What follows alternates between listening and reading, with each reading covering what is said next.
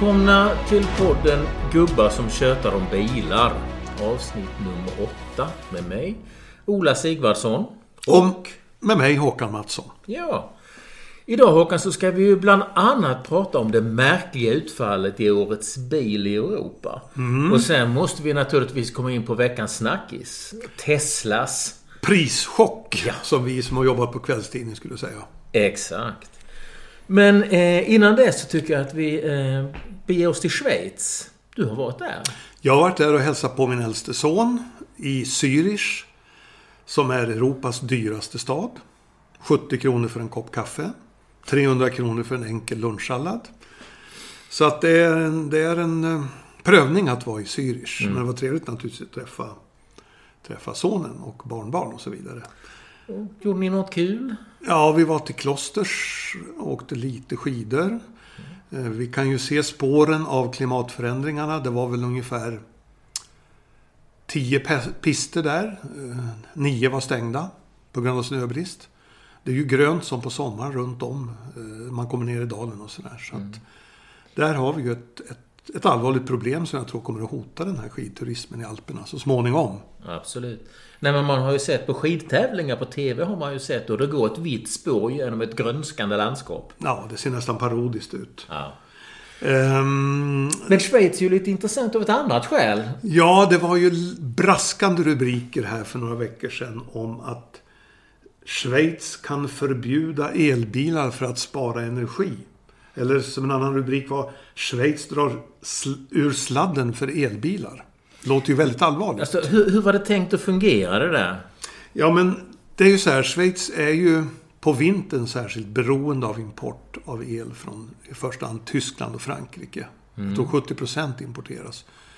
På sommaren har de då vattenkraft som de kan försörja eh, sig med. Men vi vet ju hur det ser ut i Tyskland och Frankrike. De har ju inte direkt elöverskott. Frankrikes kärnkraftverk är stängda till stor del. Eh, Och då tog det schweiziska förbundsrådet, som jag förstår det, regeringen fram en plan. Vad ska vi göra? Och den har fyra nivåer. I den första nivån så är det ju sådana här enkla, uppenbara åtgärder som sänka värme inom, inomhus, stopp för lövblås, stopp för konserter, stopp för teatrar, stopp för sportevenemang. Alltså högt lövblås och konserter Ja, liksom. Ja. Förbud mot tillverkning av bitcoins. Och så nu kommer verka dråpslaget. Stopp för värmesitsar i skidliftarna. Aj, aj, aj. Tufft. Nu talar vi kris. Ja, nu är det så. Det var första nivån. Eh, bil, det här eventuella bilförbudet ligger i tredje nivån om det blir riktigt illa. Och då handlar det om privat användande av elbilar eh, som då enbart ska få användas till nödvändiga resor av typen läkarbesök, besök i domstolar, närvaro vid religiösa arrangemang och vissa arbetsresor. Så att jag tror vi är en bit till ett totalt elbilsförbud i Schweiz trots allt. Så att vi kan nog känna oss trygga på den punkten. Men på tal om elbilar kanske vi ska direkt gå över på Tesla. Ja, men varför inte? Nyheten slog ju ner som en bomb här i veckan eh, att Tesla rakt över sänker priserna. På någon modell var det åtminstone 150 000. Ja. Tesla Model Y som ju är deras mest sålda bil har ju eh, då gått ner från 700 till 539 000 ungefär.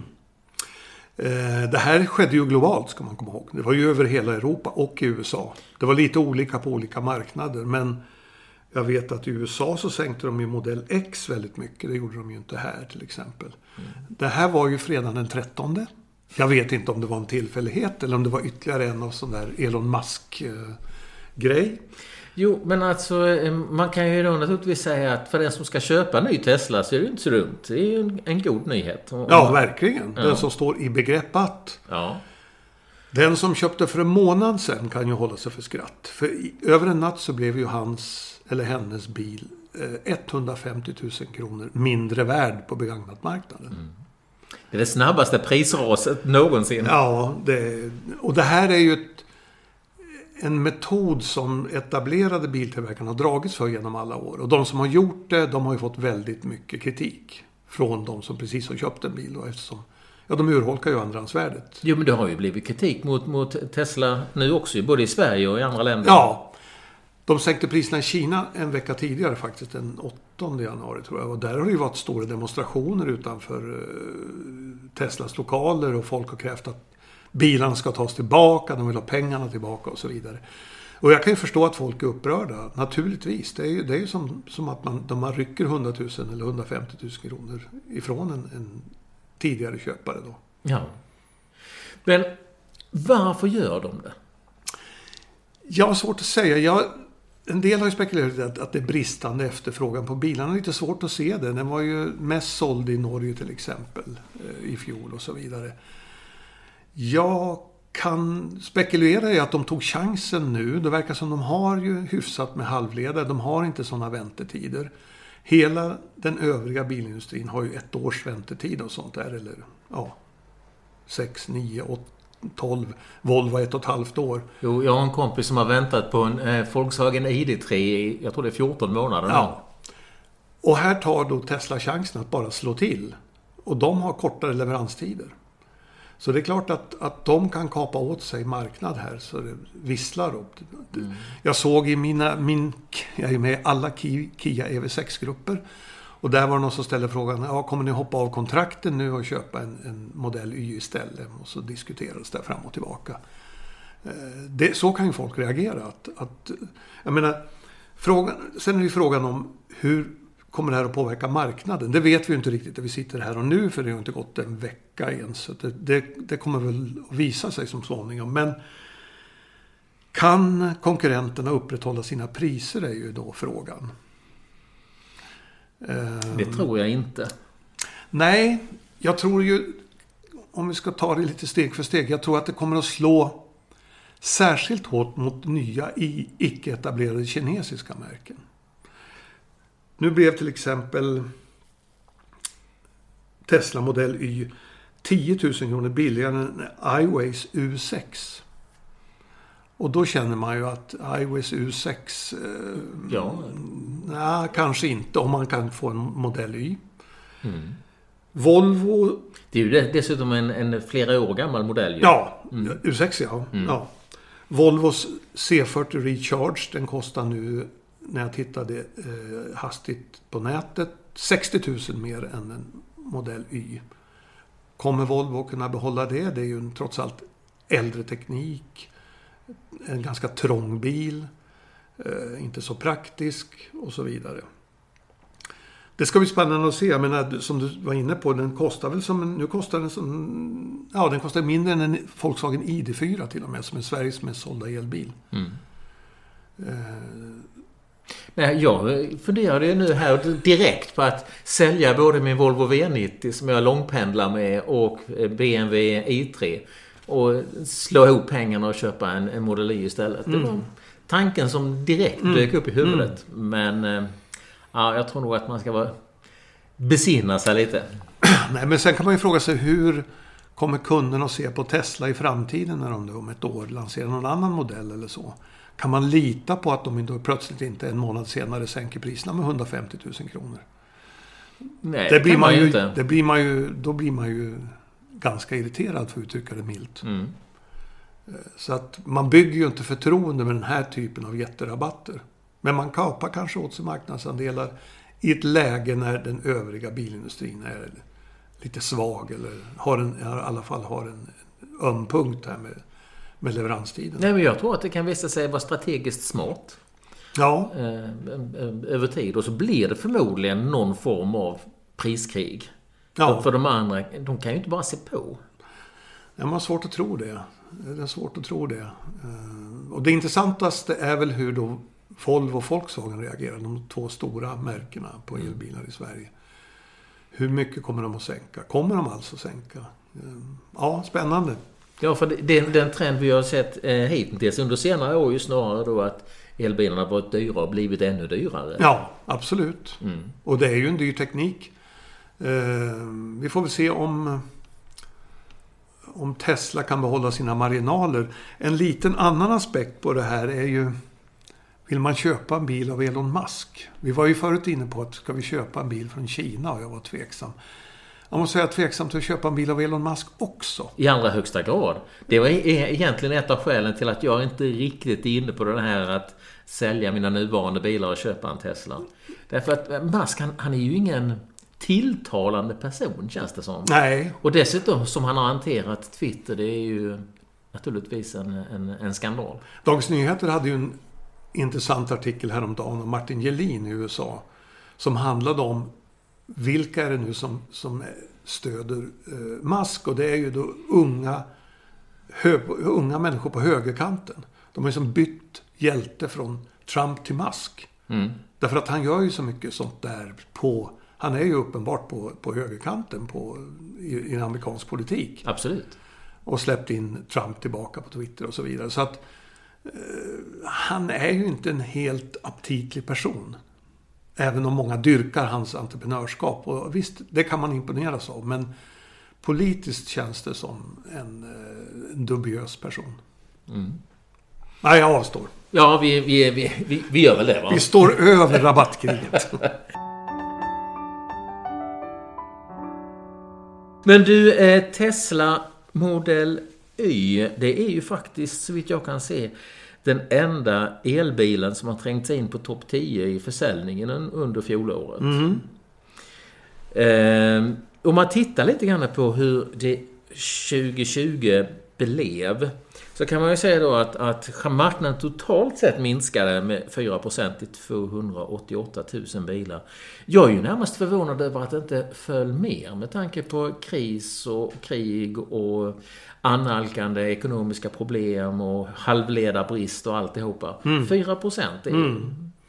Nej, jag menar det är, det är som du säger, det är 4 men det är i nivå med 2020 när det var 292 000.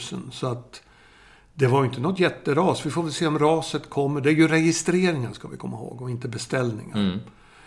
Så att alla de som beställde nu en elbil den 8 november innan klimatbonusen avskaffades. De bilarna kommer ju sannolikt att registreras nästa år. Eh, så att, ja, vi får se hur det ser ut då. Det, det, det kan ju bli upprätthålla marknaden faktiskt. Att, att det kommer fler. Du menar 20, 2023 års marknad? Ja. ja. Jo. Um... Men jag menar, det är ju inga pengar. Alltså, eh, ja, pengarna kommer ju för när bilarna mm. levereras. Mm. Men du, om man, tittar, om man tittar på statistiken i övrigt så kan man ju se då att det är en hel del som är självklart som att till exempel antalet elbilar ökar. Att antalet laddbara bilar är, har gått från 45 till 56 procent. Helel har ökat med 65% till 33 mm. av... Var tredje bil är en elbil. Det är anmärkningsvärt. Det är anmärkningsvärt, ja. Men hybriderna däremot, de har ju minskat mm. 15 mm. Är, är hybriderna på väg att uh, gå över? De har, fick väl redan under fjolåret sämre skatteförmåner. Och uh, det har kommit ett större utbud på elbilar. Uh, så att jag elbilarna tar ju, tar ju fart på det sättet. Det finns mer att välja på och så vidare. Mm. Jag tycker det är intressant att se att dieseln är nere i 11 procent. Den var, vad var den? 70 procent för några år sedan när alla skulle klara 120 grams gränsen. Det bara rasar igenom. Och det, det är bara bra. För diesel är inget bra bränsle. Nej, absolut Det har jag försökt hävda som en dåres envishet i många, många år. Och blev idiotförklarad under den där epoken när alla skulle ha diesel. Men jag menar, tänkte du då på, på stoff eller vad, vad, är det du ja, tänker på? Ja. Mm, partiklar? Ja, partiklar i första hand. Mm. Och det är ju ett fossilt bränsle. Även om man skulle på något sätt lösa partiklarna så sitter det ju fast i ett fossilt bränsle. Men partiklarna är, är ju cancerogena. Det mm. visar ju alla undersökningar. Så att, sen försöker man med olika filter och eh, additiv och sånt där. Men nej, det är bra att det inte köps så mycket dieselbilar. Ja, de är uppenbarligen på väg ut. Men du, om det, det, samtidigt så kan man ju säga det att det är väldigt långt kvar även då om, om elbilarna har en tredjedel av marknaden. Alltså om man tittar på samtliga bilar i trafik så är det ju faktiskt bara 8% som är laddbara. Både ja. helel och mm. laddhybrider. Så mm. att jag menar, vi är ju egentligen precis bara i början av förvandling eller mm. transitionen. Mm. Men jag måste återvända till försäljningen där. XC40 är Sveriges mest sålda bil. Mm. Det förutspådde jag faktiskt när den lanserades. Vilket jag också sa till Håkan Samuelsson. Han grymtade att han trodde nog inte det, att det skulle vara XC60. Men nu är vi där. Eh, Volvos marknadsandel som alltid förr i tiden skulle vara åtminstone 20-21 procent. Mm. Den var nu 15,9.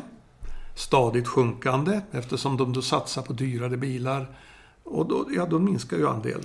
Men de har ju ändå både plats 1, 2 och 10 i försäljnings Ja, på försäljningslistan. ja, Först XC40, så på andra plats XC60 och på tionde plats gamla fina V90. Mm. S och V. Och så dagens sorgebesked. Det såldes i fjol totalt bara 88 Alfa Romeo. 88 bilar. Ja, Ja, det är ofta väldigt kul att titta i botten på listan. ja verkligen. 103 Jaguar. Inte, med, inte bara 103. Totalt. Ja, det är anmärkningsvärt. Men du, eh, ska vi släppa statistiken med detta? Vi kan väl i alla fall konstatera att, att på världsarenan så är ju Toyota fortfarande den största med 9,5 miljoner bilar. Volkswagen tvåa. Men de går ju bakåt. De tappade väl en 7 procent och landade på ungefär 8 miljoner bilar. En, om, nu återvänder jag hela tiden, men för den svenska marknaden så är det intressant att se Mobility Swedens prognos. För de tror att det ska bli 290 000 bilar i år, 2023. Det vill en liten uppgång. Liten uppgång. Och så säger de samtidigt att prognosen för elbilar är 40 procent. Det vill säga det ska öka från 33 till 40 procent. Detta trots att de när klimatbonusen avskaffades skrek i högan sky att nu kommer elbilsförsäljningen att bromsas in. Det kommer inte att säljas några elbilar.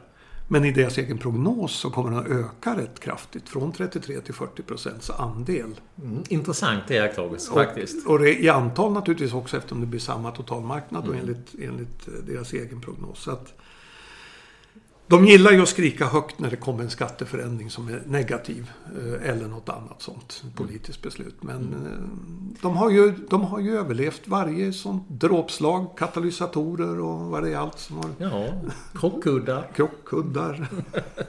Jag tror de klarar den här smällen också. Det tror jag också. Men samtidigt, så, det som du säger är ju talande och det är ju också så att på sätt och vis så eh, minskar ju deras trovärdighet. Om man reflekterar Ja, det är lite vargen kommer över det. Va? Ja, visst är det så.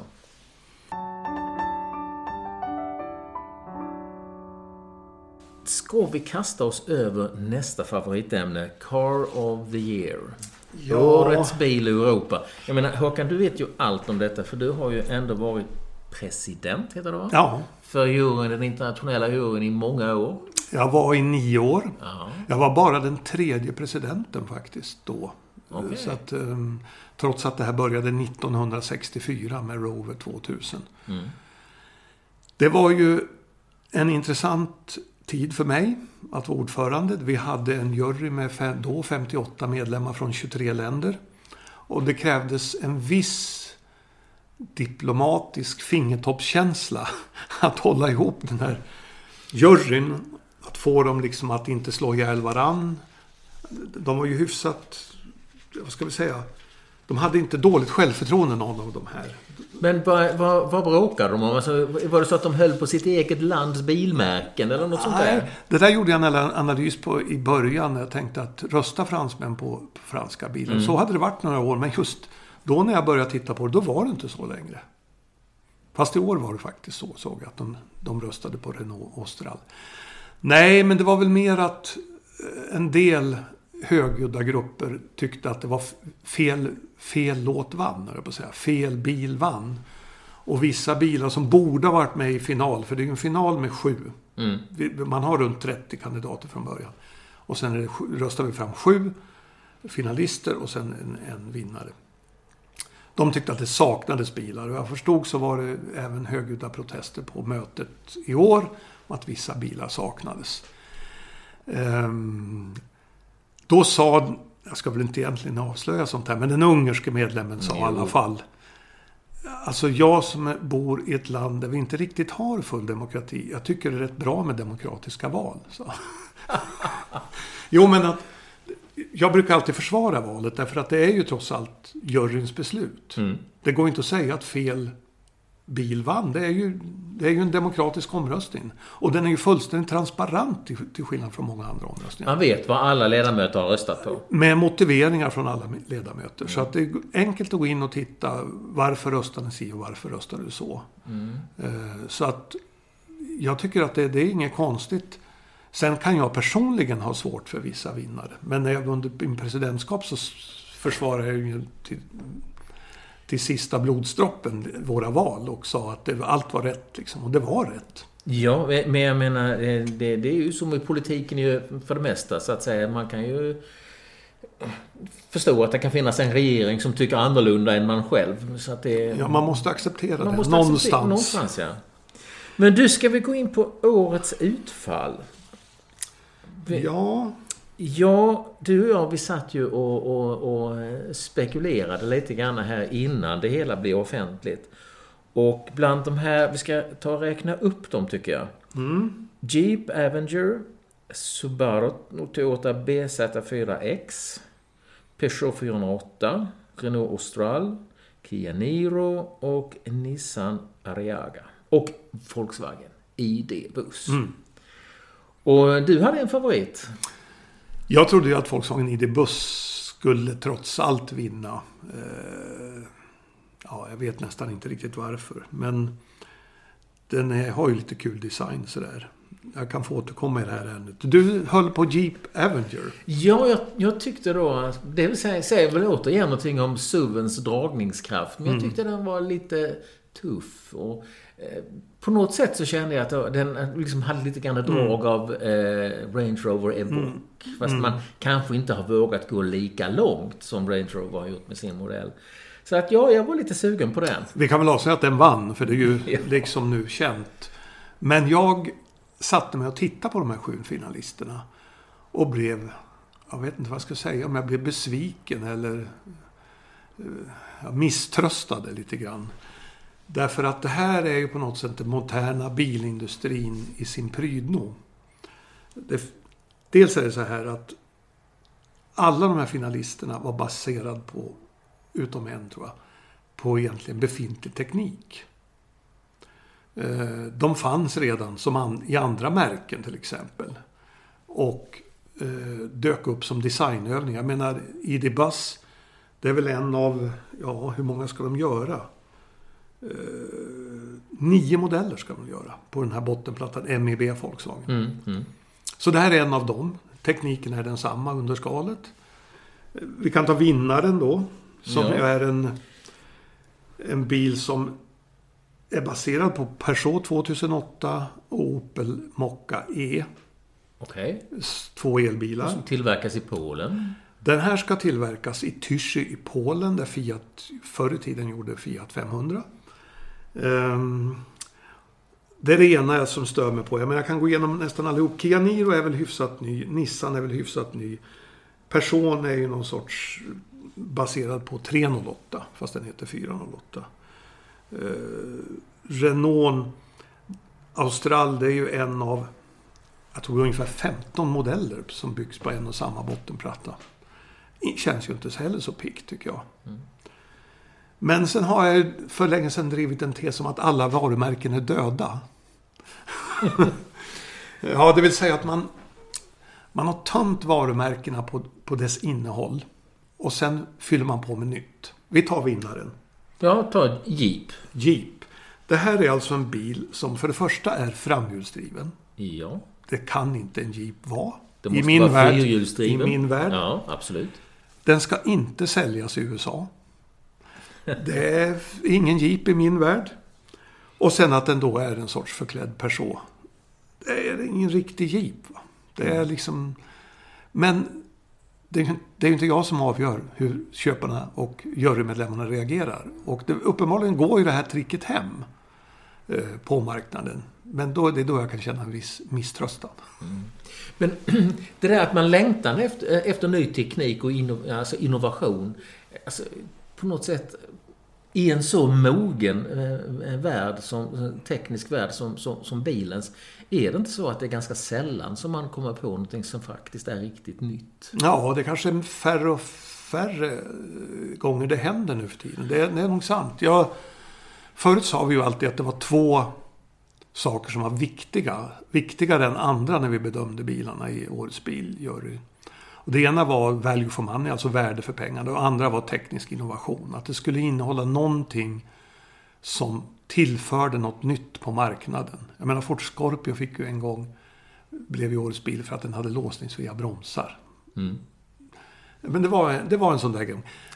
Renault Megane Scenic mm. vann ju 96 tror jag det var. Därför att det var en helt ny typ av bil. En helt ny karossform. Sen följde ju en massa efter den här lite högbyggda. Mm. Det var ju nya saker. Ja, alltså om man tittar på eh, det senaste tiden. Så det som jag kommer på direkt det är ju Nio och det utbytbara batteriet. Mm. Det är ju en, en, en innovation Absolut. som är av ja. stor betydelse. Ja. Men den var inte med. I, Nej. åtminstone inte bland de sju. Nej. Det tycker jag, det kan ju, nu vet jag inte ens om den var kandidat, men alltså det borde ju ha varit med. Eh, det känns ju som att det, det är ju ändå ett, en, en sorts innovation. Men vi har alltså, juryn har, nu har jag försvarat valen, men kanske fastnat lite i lite traditionellt tänkande att det är väldigt många kompaktbilar som har vunnit. Och kompaktbilar är ju på väg ut, det kan vi återkomma till någon gång. Och det dröjde länge innan en riktig SUV vann. Jag vet inte om Peugeot 3008 ska kallas SUV, men den vann ju. Och sen var året efter vann Volvo XC40, det var 2018. Och då hade ju alltså kunderna redan börjat handla massor med SUVar. Mm. Det var, det hade, hela marknaden hade ju styrt om till det. Mm. Ja men sen då teknisk innovation. Om man tar den här vinnaren. Om jag ska fortsätta hacka ja, på den. Fortsätt hacka på Jeep, gör det. Så har den, det är ju en elbil på alla marknader utom är det Italien och Spanien tror jag. Eh, den har snabbladdning på 100 kW. Alltså förra årets vinnare. Mm. En viss Kia EV6. Mm. Den hade 239 kW. Mm. Så det känns inte som ett steg, jättesteg framåt. 100 kW laddning är inte idag state of the art. Alltså det är inte Nej. jättebra. Så det känns ju också lite sådär att det tar emot. Att, att erkänna den som en, en värdig vinnare. Mm. Nu är jag inte med i juryn längre så nu kan jag ju tycka vad jag vill du, om dem. Nu får du säga vad du vill ja. Ja, nej men... Det, jag tycker det är intressant det som du säger att, att, att det blir liksom designövningar som, mm. som i, i The Bus till exempel. Men är inte det rimligt? Alltså då med tanke på att det är svårt att uppfinna någonting riktigt nytt och få det i eh, serieproduktion. Är det inte alltså utseendet återigen som, som trots allt är ett väldigt starkt försäljningsargument? Så att jag menar, på det ritbordet så ligger väl mycket i den attraktionskraft som en, en bil har. Ja, ja men alltså de här designcheferna har ju blivit bilvärldens superstars de senaste 10-15 åren. Alltså de, de omhuldas ju verkligen och har astronomiska löner och är någon sorts stjärnor. Eh, av det här skälet. Jag hörde ett, ett lustigt argument för det där är ju sociala medier och Instagram. Att man om man har köpt en bil eller ser en bil så kan man ta en bild på den och snabbt skicka. Och då är ju utseendet det enda man, så att säga, det är ju ingen som berättar då att den har för motor eller hur den är. Utan det är bara, ut, det är bara utseendet. Och att det är, så, det är så viktigt att den gör sig bra i Instagram. ja, nej men eh, utseendet det kommer man inte ifrån. Men du, om man då sammanfattar det här med Car of the Year. Får man väl säga att, att då har juryn återigen sagt sitt och att vi kan inte klaga på det. Eh, men att det kanske är ändå ett, ett, ett eh, lite udda val att välja den här jeepen. Det var väl ett mellanmjölksår dessutom. Ja. Det var ju ingen av de här sju, när jag pratar med jurymedlemmar mellan skål och vägg, ska jag inte säga vilka, men det var väl ingen sån här superentusiasm över någon av de här sju bilarna. Ändå så vann ju den här jeepen väldigt klart. Eh, mm. Så att... Ja, de, det, det, blev liksom på något sätt den minsta gemensamma nämnaren, den man kunde hitta. Mm.